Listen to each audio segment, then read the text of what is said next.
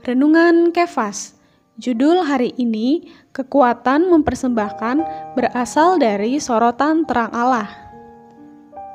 Di dalam Roma 12 ayat 1 dikatakan, karena itu saudara-saudara, demi kemurahan Allah, aku menasihatkan kamu supaya kamu mempersembahkan tubuhmu sebagai persembahan yang hidup, yang kudus, dan yang berkenan kepada Allah. Itu adalah ibadahmu yang sejati.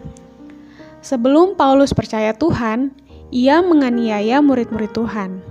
Ia meminta surat kuasa dari imam besar untuk menangkap orang-orang yang menyeru nama Tuhan. Ketika hendak memasuki kota Damsyik, ia kelihatan begitu perkasa. Namun, ketika ia sudah dekat kota itu, tiba-tiba cahaya memancar dari langit mengelilingi dia. Ia pun rebah ke tanah.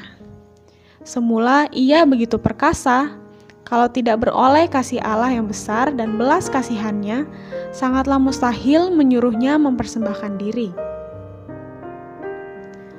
Begitu cahaya terang memancar, Paulus tidak dapat lagi duduk dengan mantap. Mau tidak mau, harus turun dari tahtanya. Saat itu ia berkata, "Tuhan, apakah yang harus kuperbuat?" Bila kita tidak nampak belas kasihan Allah, bagi kita, mempersembahkan diri adalah hal yang paling sulit di dunia ini. Semua orang di dunia ini mencintai dirinya sendiri. Tidak ada seorang pun yang tidak memustikakan kehidupannya dan harta bendanya sendiri.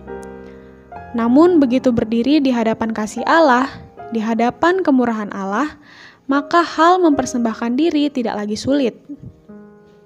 Sobat Kefas, ada tiga aspek yang berkaitan dengan mempersembahkan tubuh, yaitu waktu, harta, dan tenaga. Pertama, persembahan tubuh adalah persembahan waktu.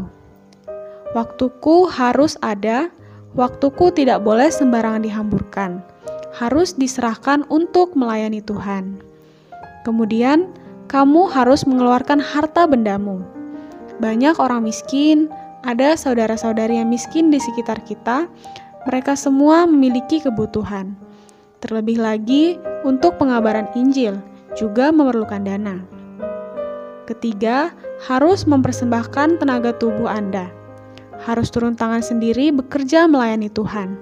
Semua pekerjaan dalam ruang kebaktian, misalnya membersihkan lantai dan merapikan bangku.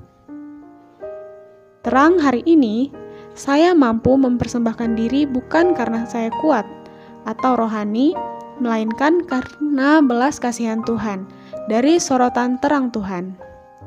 Poin doa: berdoa supaya Tuhan terus menerangi hati kita, sehingga kita menjadi orang-orang yang menerima sorotan terang Allah.